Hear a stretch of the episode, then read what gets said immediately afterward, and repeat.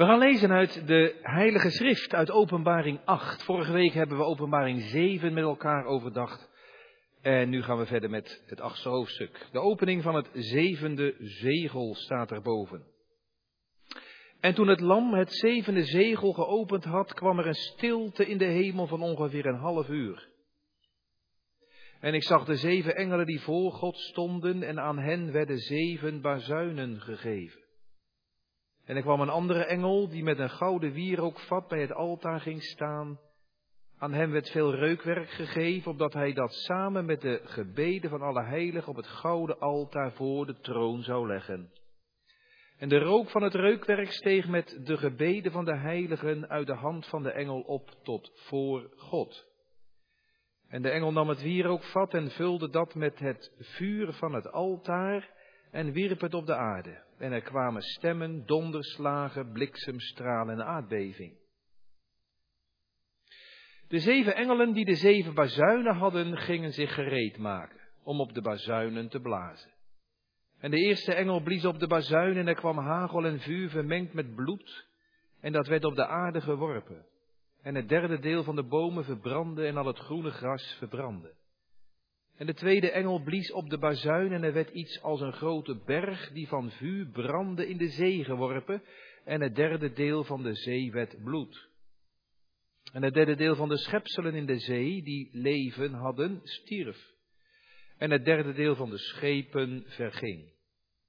En toen de derde engel op de bazuin blies, viel er een grote ster uit de hemel die brandde als een fakkel.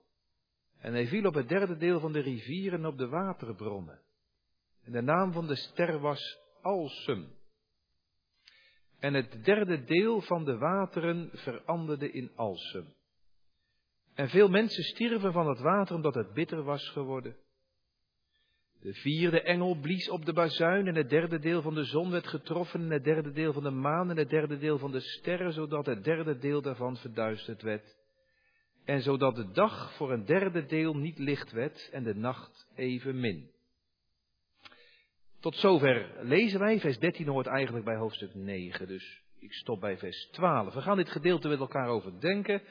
En de kerntekst is vers 6. En de zeven engelen die de zeven bazuinen hadden, gingen zich gereed maken om op de bazuin te blazen. Voordat we hierover gaan nadenken, gaan we eerst nog een psalm zingen. En wel psalm 65, vers 1 en vers 2. Gemeente, gezinnen, kinderen thuis. Ik wil allereerst uh, beginnen, voordat ik aan de preek van vanmiddag begin, aan, uh, met uh, de vorige week, terug te grijpen vorige week. Vorige week had ik gevraagd aan de kinderen of ze een tekening zouden willen maken over openbaring 7. En er zijn inderdaad een aantal tekeningen binnengekomen. Die wil ik toch even heel vlug laten zien. Um, vorige week ging het over de Joden en de heiden tot geloof kwamen, die getekend waren aan hun voorhoofd met het zegel van God en um, het kruisteken op hun hoofd en hun handen, de palmtak in hun handen en hun ogen, de, de Heer zou de tranen uit de ogen afwissen. Uh, nou, en uh, ik, ik, ik, vind, ik, vind, uh, ik vind het een mooie tekening. God is koning. Je ziet de ogen je ziet een palmtak, voorhoofd. En uh, mensen uit de hele wereld, gelovigen uit de Joden en de heidenen. Je ziet daar links een wereldbol getekend. Ik vind het fantastisch mooi. Er is er nog eentje binnengekomen. Ja, dat vind ik ook mooi. We hadden het over al die tollen en talen en culturen, openbaring 7. Dat ze ook hun eigen muziek maken voor God. De een met de piano, de ander multicultuur inderdaad gitaar en een trommel. De palmboom komt er weer. Ze staan allemaal voor de troon en ze juichen en ze jubelen God ter eer. Ook een mooie tekening. De derde van kinderen uit de gemeente. En uh, ja, vind ik ook mooi. Alle vier de punten van de preek komen terug. Voorhoofd, handen, ogen, stemmen, muziek. Loofhut zelfs, het loofhutje. Sam en Luca. Geweldig bedankt. Heel mooi. En natuurlijk de naam van Jezus, want dat verenigt al die verschillende mensen. Het lammetje, Prachtige tekening. En uh, ja, dat is dat ook eigenlijk. Ook mooi. Het lam in het middelpunt, bovenaan. De troon. Uh, blije mensen, blije gezichten. Ik vind het echt mooi. Jongens, kinderen, meiden, bedankt. Zo worden jullie betrokken in de eredienst en dat is de bedoeling. We gaan nu naar openbaring 8, een heel ander hoofdstuk, een ernstig hoofdstuk. Hoofdstuk 7 was een troosthoofdstuk. En nu een heel ernstig hoofdstuk. Thema van de dienst is eens als de bazuinen klinken. Want daar gaat het over. Drie gedachten. We letten allereerst op de stilte in de hemel. U leest in vers 1, en toen het lam het zevende zegel had geopend, kwam er een stilte in de hemel. Van ongeveer een half uur. Een hele opmerkelijke tekst. De tweede, de beden naar de hemel. In vers 3 staat, de gebeden van alle heiligen werden gelegd op het gouden altaar voor de troon. Gebeden van de heiligen op aarde, die stijgen op naar de hemel.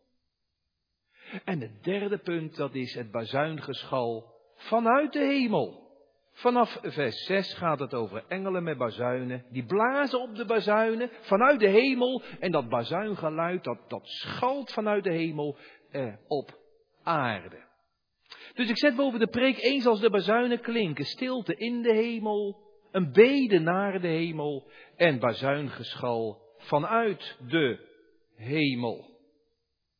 We beginnen met het eerste punt. Stilte in de hemel.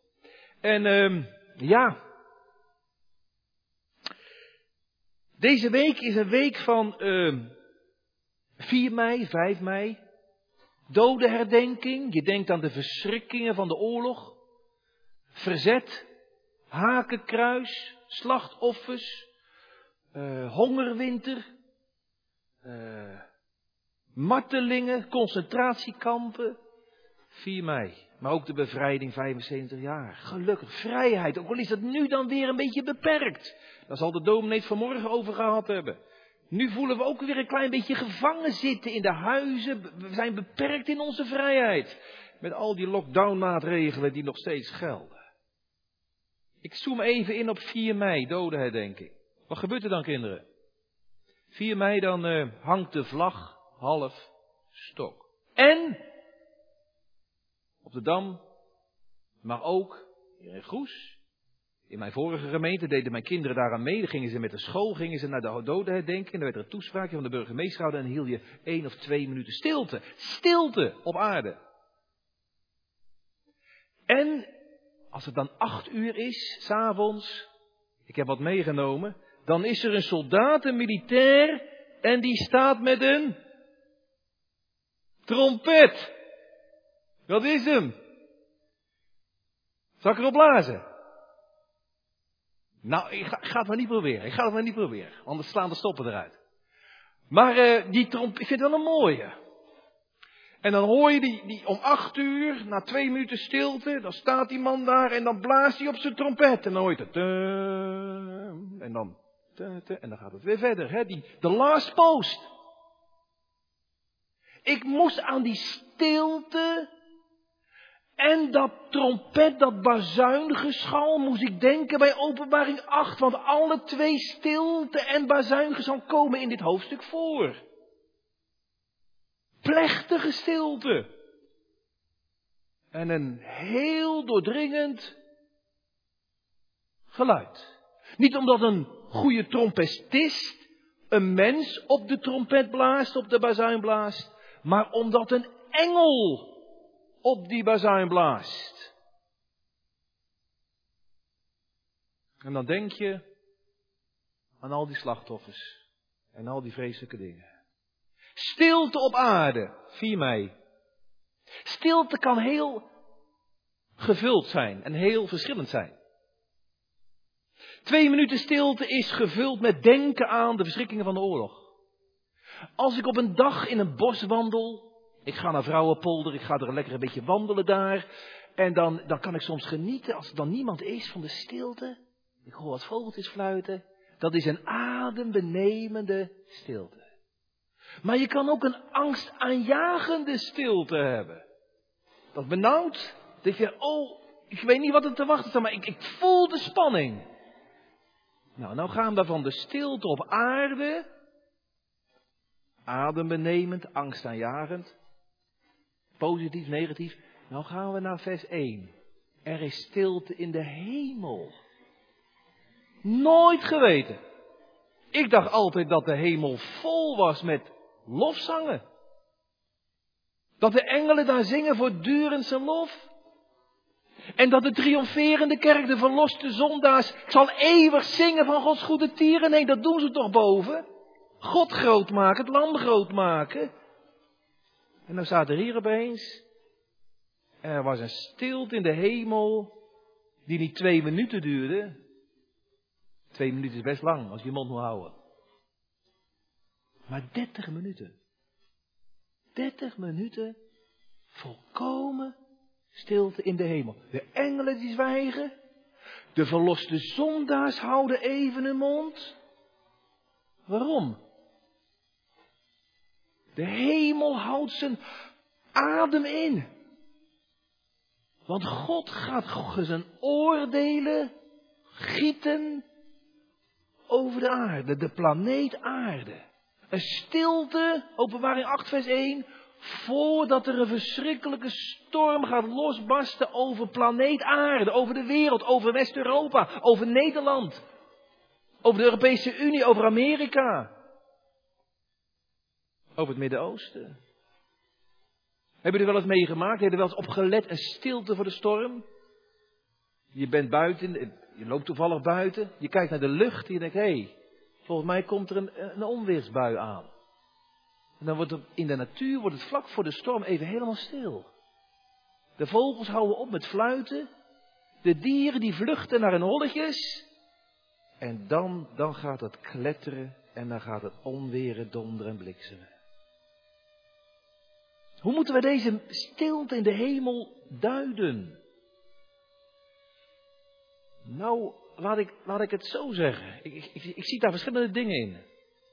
Allereerst zie ik in die stilte in de hemel van een half uur iets van Gods verdriet.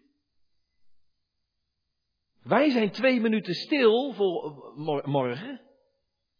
Wij zijn twee minuten stil om met verdriet terug te denken aan al die doden die gevallen zijn tijdens de Tweede Wereldoorlog en andere oorlogen.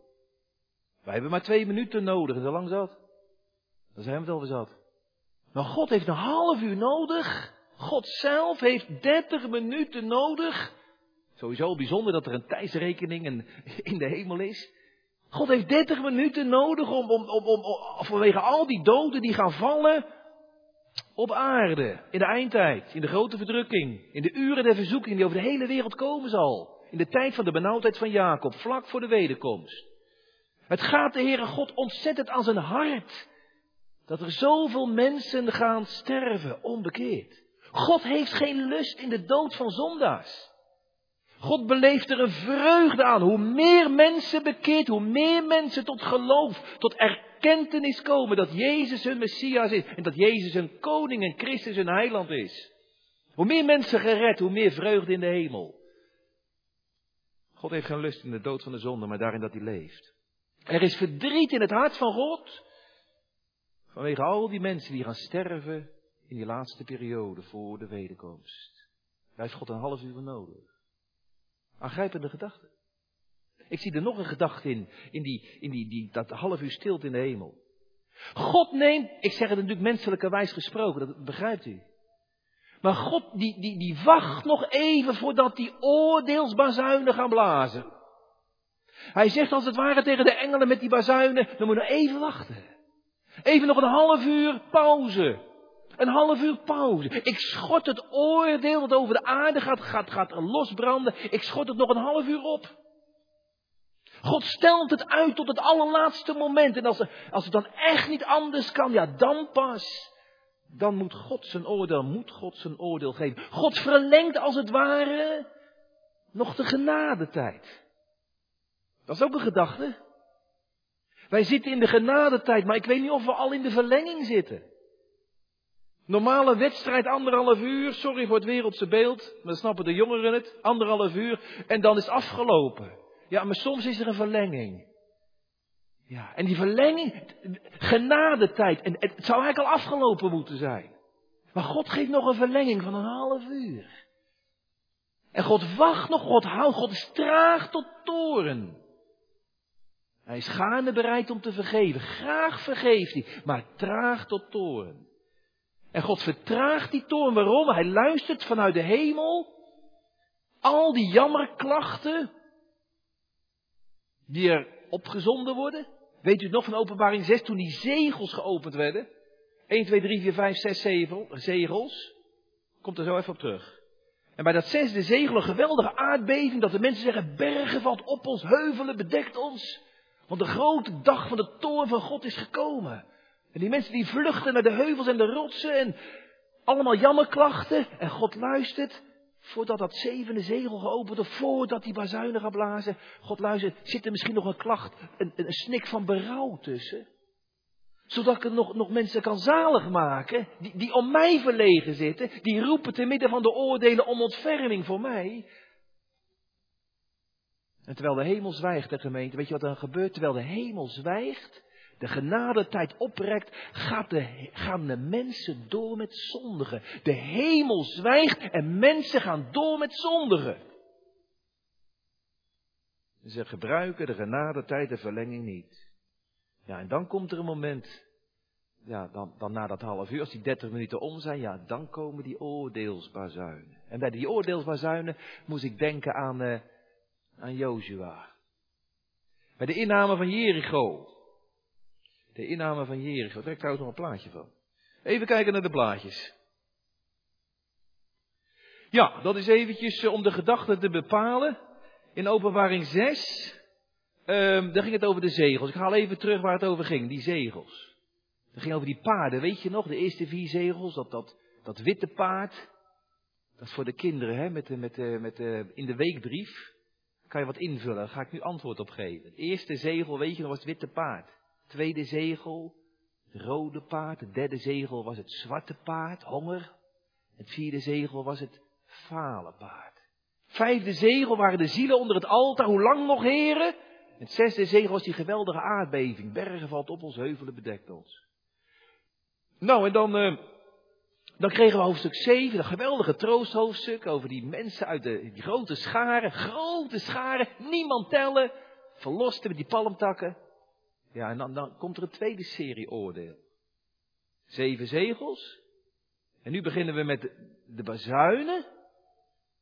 En, en, en, en daar luisteren de mensen nog niet. En dan aan het eind van het boek Openbaring, dan komen nog zeven schalen, zeven, zeven borden, schalen gevuld met toren van God. Het is eigenlijk één groot drama. Openbaring, openbaring is een boek één groot drama. Van drie bedrijven. Zeven zegels, zeven bazuinen en zeven schalen. En als dat allemaal voorbij is, dan komt de verschijning, dan de wederkomst. Niet allemaal gelijktijdig, niet allemaal in de loop van de eeuw, maar vooral in de eindtijd, denk ik. Vooral in de eindtijd. Het is een drama. Even voor de middelbare scholieren, heb je het Nederlands examen al gedaan. Wat is het verschil tussen een drama en een tragedie? Een drama en een tragedie. Een tragedie, niemand weet het, ja, er zitten ook geen kinderen voor de rest dus. Een tragedie, dat is, ja, dat eindigt altijd heel somber. Een tragedie eindigt altijd in, ja, tragisch. Daar komt het woord tragisch vandaan. Tegenovergestelde van een, een, een comedy, een, een komedie. Een komedie dat is, ja, daar valt helemaal niks te lachen eigenlijk in openbaring. Nou, als, als er wat te lachen valt, ja, misschien twee uitzonderingen. Die in de hemel zit zal lachen. Over de dwaasheid van mensen die God overboord willen zetten.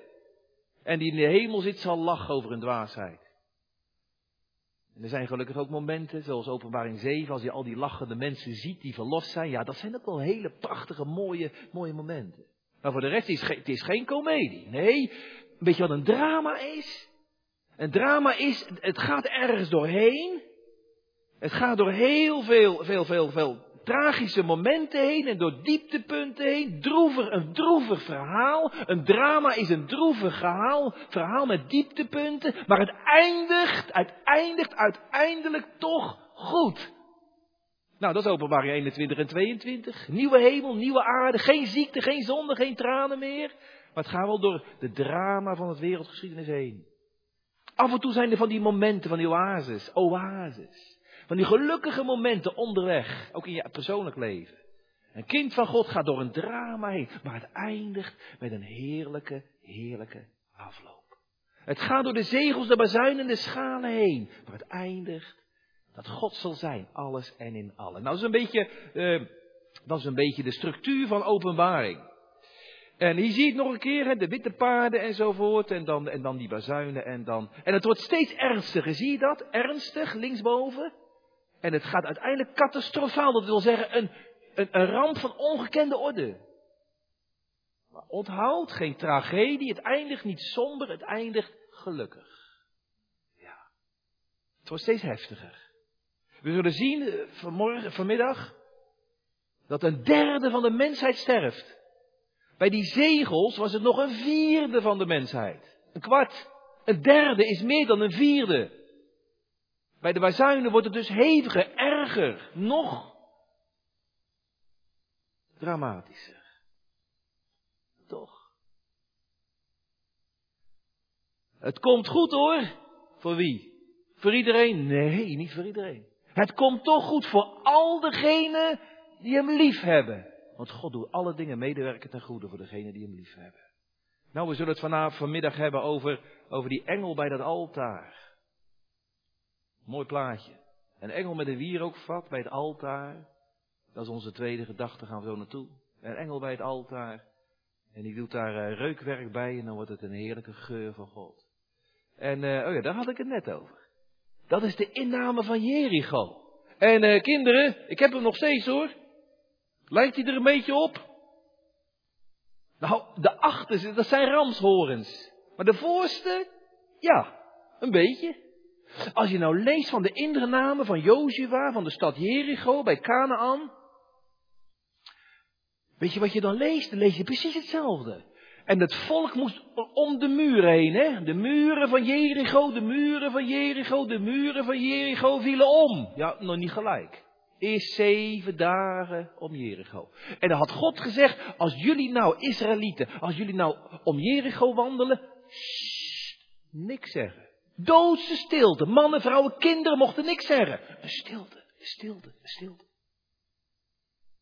En die ark ging dan voorop. Je ziet de ark. En er waren alleen maar priesters die met zeven ramsbazuinen bliezen. En de mensen daar op de muren van Jericho, die stonden eerst achter de muur, toen op de muur. Zeiden, hey, wat, wat rare mensen zijn dat, die zeggen niks. Maar je hoorde dat doordringende geluid van die ramsbazuinen. Dat is het enige wat je hoorde. Nou, het rondje gedaan, dan gingen ze weer terug. En het dinsdag rondje gedaan, gingen ze weer terug woensdag rondjes in stilte gelopen, de stille processie, gingen ze weer terug. Nou, de mensen vonden dat zo belachelijk. Ja, misschien hebben ze wel rotte tomaten gegooid vanaf, vanaf die muur. Ze hebben gescholden, ze hebben ze voor de gek gehouden. Ik weet het allemaal niet, maar het was natuurlijk een belachelijke vertoning. Ja, wat denkt u om? Toen de zevende dag. Tadam, daar, ging die, daar hoorde je dat doordringende geluid. En niemand zei wat. En toen bij die zevende toen vielen de muren van Jericho. Toen Stilte en bazuinen. Openbaring 8, Joshua. Hier zie je de tweede bazuin, uh, gaan we het zo er even over hebben. En uh, daar zie je dat de schepen, een derde van de handel, de economie, de, scheep, de scheepvaart. Staat openbaring 8, we hebben het gelezen. Een derde van de schepen. Die, uh, die, die, die, die verbranden, die, die gaan kapot. Ondergang. Dat is een recessie van je welste, dat snap je. Nou, dat zijn de plaatjes. Goed, ik heb het over de eerste gedachte uh, gehad. De stilte in de hemel. Ik ga nu gauw naar de tweede gedachte. En dat is de bede naar de hemel. Um, laten we eens even kijken naar vers 3, 4 en 5. Tijdens dat half uur stilte, uh, daar ziet Johannes eigenlijk twee dingen. Hij ziet dat in vers 2 die zeven engelen die voor God stonden, die stelden zich op met die bazuinen. Ge, wordt niks gezegd in de hemel. Hij kijkt, hij kijkt, hij kijkt. En hij ziet dat de engelen zich opstellen. Achter elkaar. En dan ziet hij nog wat. Dat tweede wat hij ziet. Dan zie Johannes een andere engel, vers 3. En er kwam een andere engel. Ja, dat vind ik nou jammer van de HSV. De Statenvertaling heeft het beter. Want in, in de Statenvertaling staat, en er kwam een andere engel die E van Engels had met een hoofdletter. Kanttekeningen zeggen het ook, die engel dat is Christus. En daar ben ik het mee eens.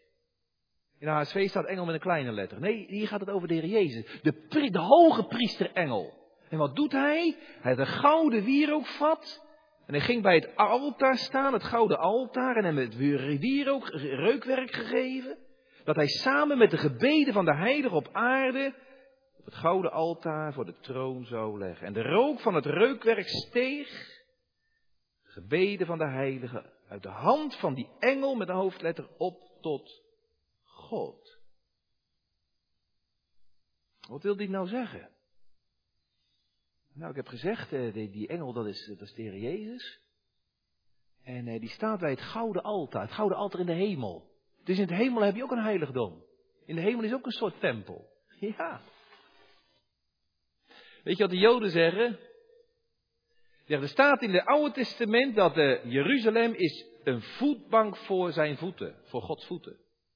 En als Jeruzalem dus een voetbank voor Gods voeten is, dan pal boven Jeruzalem, als je dan naar de hemel gaat, ja daar zit God. Dus God woont en troont pal boven Jeruzalem. Voetbank voor zijn voeten, dus daar troont God. En wat ik nou het boeiende vind, is dat die aardse tempel, die aardse tabernakel, met zijn troon, verzoendeksel waar God woonde en troonde, en met zijn, eh, zijn, zijn lampen, hè, zijn, zijn menorah, zijn kandelaar en, en, en, en altaren. Dat je dat dus ook in de hemel hebt. Dat zie Johannes. Hij ziet in de hemel een gouden altaar. Dat is het reukofferaltaar. Dat is het reukofferaltaar. En we hebben gelezen in openbaring 6 over de glazen zee. Dat is het wasvat, het koperen wasvat. En de zielen onder het brandofferaltaar. Dus wat op aarde is, dat is een afspiegeling van wat er ook ergens in de hemel aanwezig is. En dan ziet hij die engel Christus in de hemel met een gouden wierook van reukwerk. En hij vermengt, dat is eigenlijk de bedoeling, Christus vermengt het reukwerk met de gebeden van de heiligen. Je hebt de gebeden van de heiligen, daar doet Christus zijn eigen voorbeden bij. En zo samen wordt het door de hand van de engel, door Christus, wordt het gebracht bij God.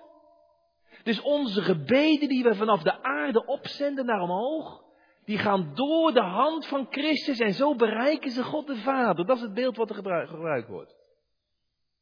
Er gaat vanaf de aarde, de gebeden van de heilige, er gaat een wier, er gaat een, er gaat een rookpluim omhoog. En moment dat dat van de aarde naar de hemel gaat, dat ons bidden en ons zingen tot de hemel door mag dringen, moment dat die het reukwerk van het gebed naar omhoog gaat, vermengt Christus zijn eigen voorbeden erin. En zo is het voor God aangenaam. Als ik daarover nadenk, dan, dan heb ik een vraag. En de vraag is dit.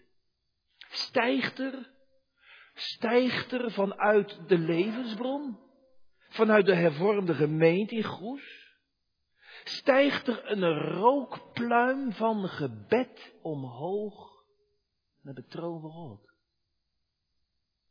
Toen er gisteren via de weekbrief voorbeden gevraagd werd voor Christina, nou ik weet eigenlijk wel zeker dat er een rookpluim van gebed van gemeenteleden, trouwens ook van ouders, van kinderen op de school, omhoog gegaan is tot God.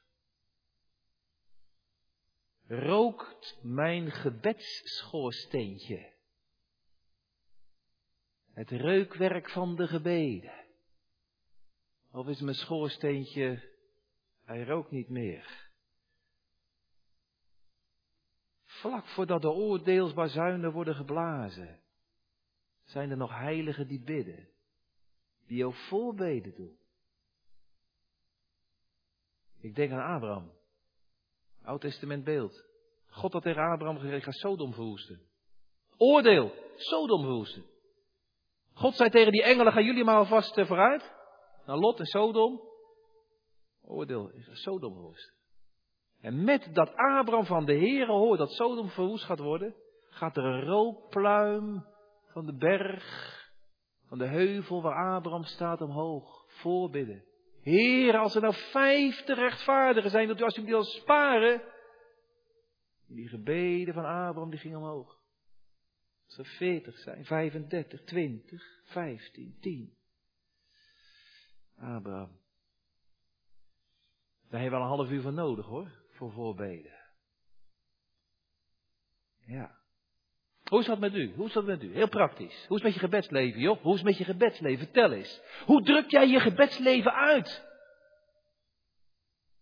Bezig bijtje? Ja, nu niet, want mijn agenda is behoorlijk leeg. En toch nog een bezig bijtje, toch maar van alles en nog wat ik probeer te vullen. Ja, je hebt nou meer tijd om God te zoeken.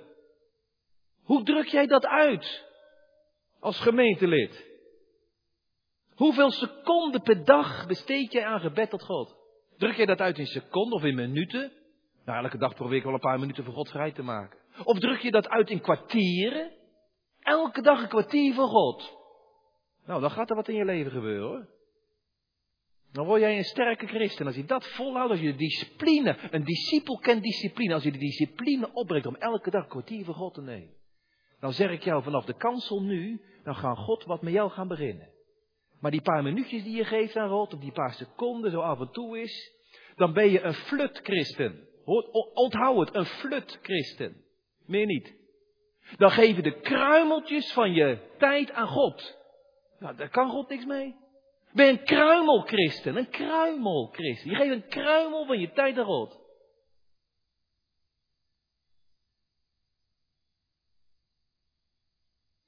Weet je, ik zeg daar geen kwaad woord van. Er zijn mensen die hebben natuurlijk een mobieltje. Die zeggen, nou elke dag krijg ik een tekst door.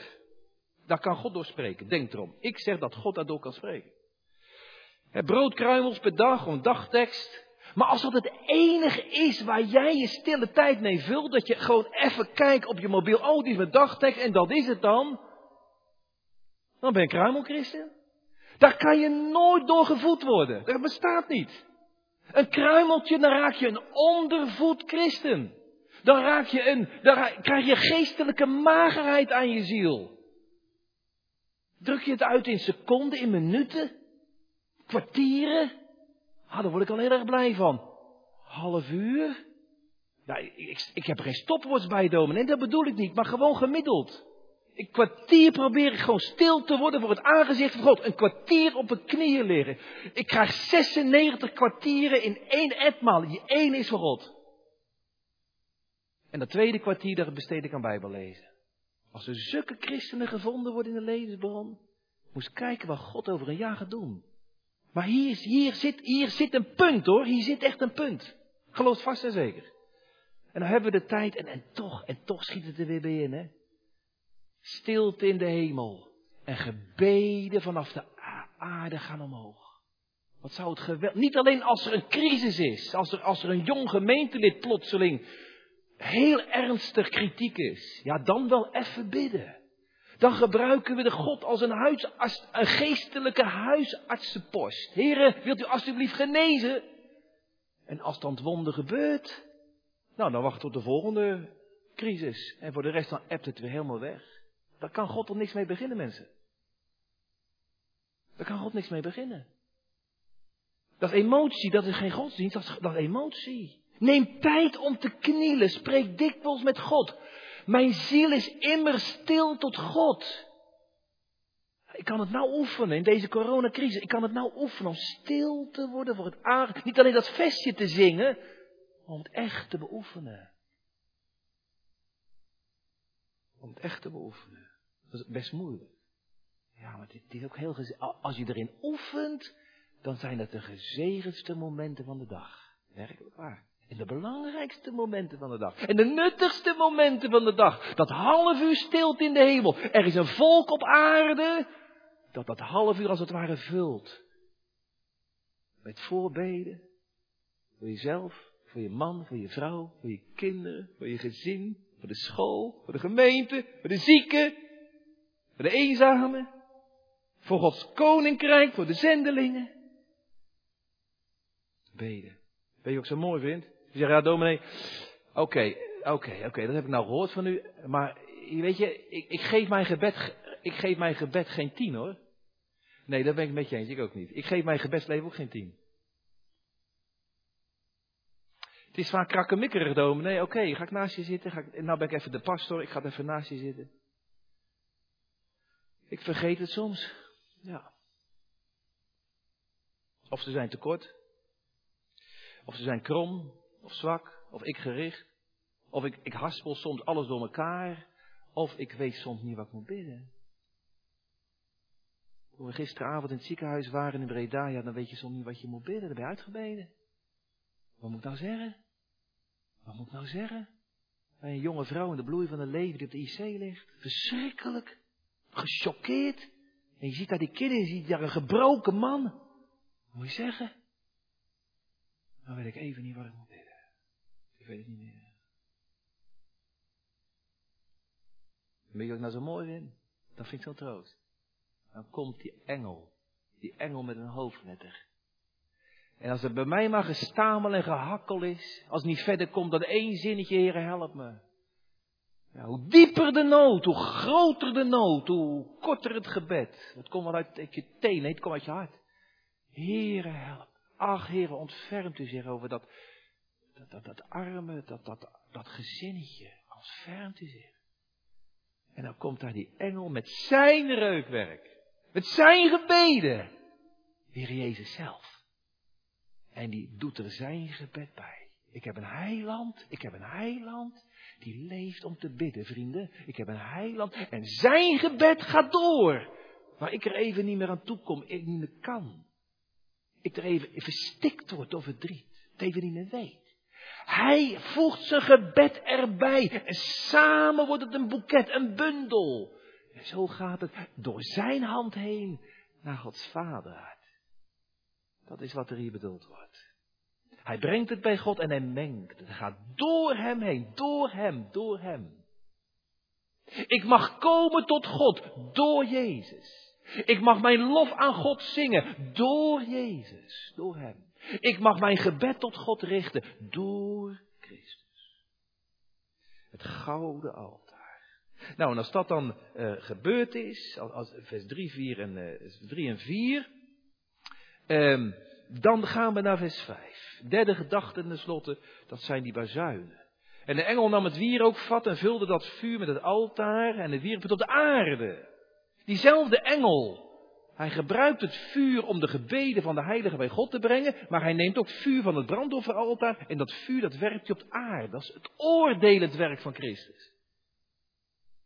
Nou, dan komen die engelen met die bazuinen. Derde gedachte.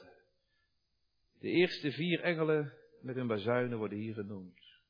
Bazuingeschal. Daar ken ik een liedje van uit Johannes de Heer. Als bazuingeschal des Heren klinkt en Jezus komst is daar.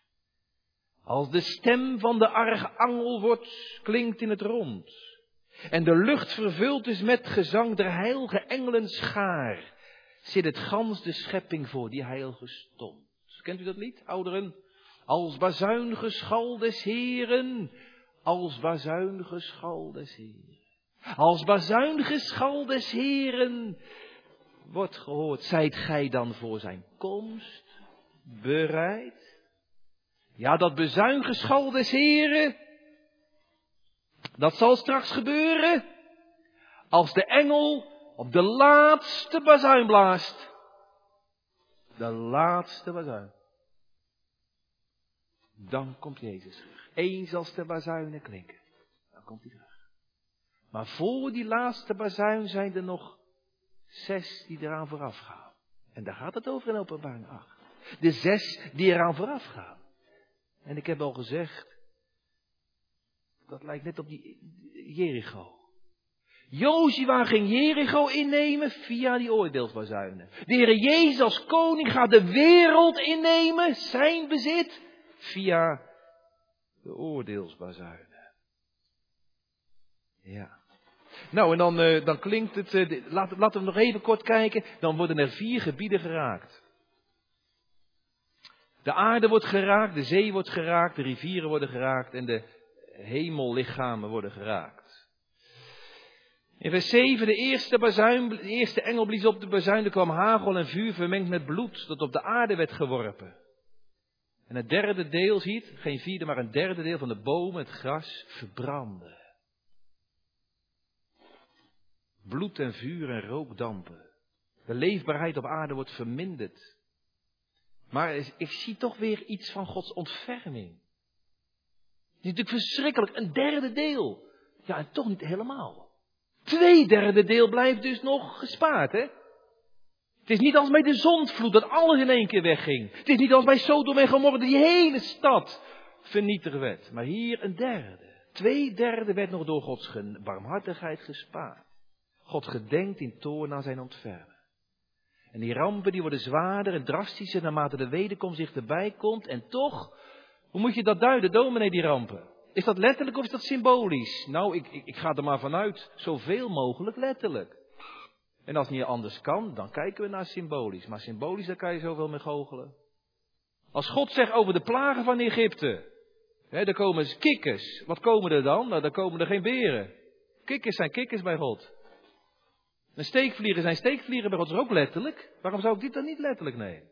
Dit is, geen symbolisch boek, dit is een profetisch boek. als profeet iets zeggen, dan, dan, dan komt dat gewoon uit. En waar moet je dan aan denken? Die bazuinstoot.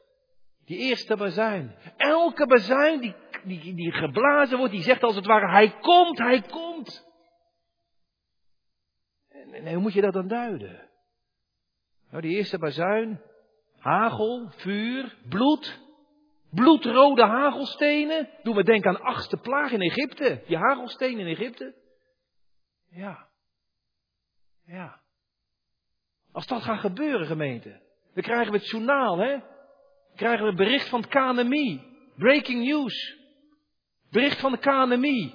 Ongewone natuurverschijnselen. Nee. Bovennatuurlijke natuur. Nee, Gods oordelen zijn niet. Gods oordelen direct. Wat zou de KNMI ervan maken, denk je? Gods vinger. Weet je, er zijn geleerden geweest, ik ga de namen niet noemen, want het is tijd, maar er zijn geleerden geweest die hebben gezegd, als je naar openbaring 8 en openbaring 9 leest, dan moeten we sterk denken, dan moeten we sterk denken aan, aan, aan, aan dingen die gevolgen kunnen zijn van een kernoorlog. Van een nucleaire ramp, van atoombommen die gaan vallen op aarde. Met radioactieve straling en enorme hitte en vuur. Het zou best kunnen. Kijk eens naar die tweede bazuin. Acht. En de tweede engel blies op. En er werd iets als een grote berg die van vuur brandde. Nou, je maar, maar eens kijken, morgen of overmorgen, wat er nou. Die eerste dertig seconden nadat die bom op Hiroshima is gevallen, of Nagasaki. En dan zie je daar die enorme berg, die paddenstoelachtige berg, verschijnen. Nou, dat zal wel best eens kunnen. Ik weet het niet hoor. Ik, ik, tast maar naar de bedoeling. Ik tast maar naar de betekenis. Maar het is niet helemaal gek hoor, dat ik het zeg. Het is niet helemaal raar hoor. Het is geen science fiction wat ik zeg hoor. En het behoort ook tot de mogelijkheden die gebeuren kunnen hoor, in, onze tijd. Dus je kijkt naar de gevolgen van die atoombom. En, en, weet je wat dan het gevolg is? Het werd in de zee geworpen en de zee werd bloed. Die blauwe water werd rood als bloed. Vis sterft, stinkt, enorm stinkt. Stank. Toen me denken aan die eerste plaag in Egypte. Kom in de eindtijd weer terug. In de tijd van Johannes had je de Vesuvius, die uit. Vesuvius, 79 na Christus. Pompeii, helemaal, helemaal onder de as.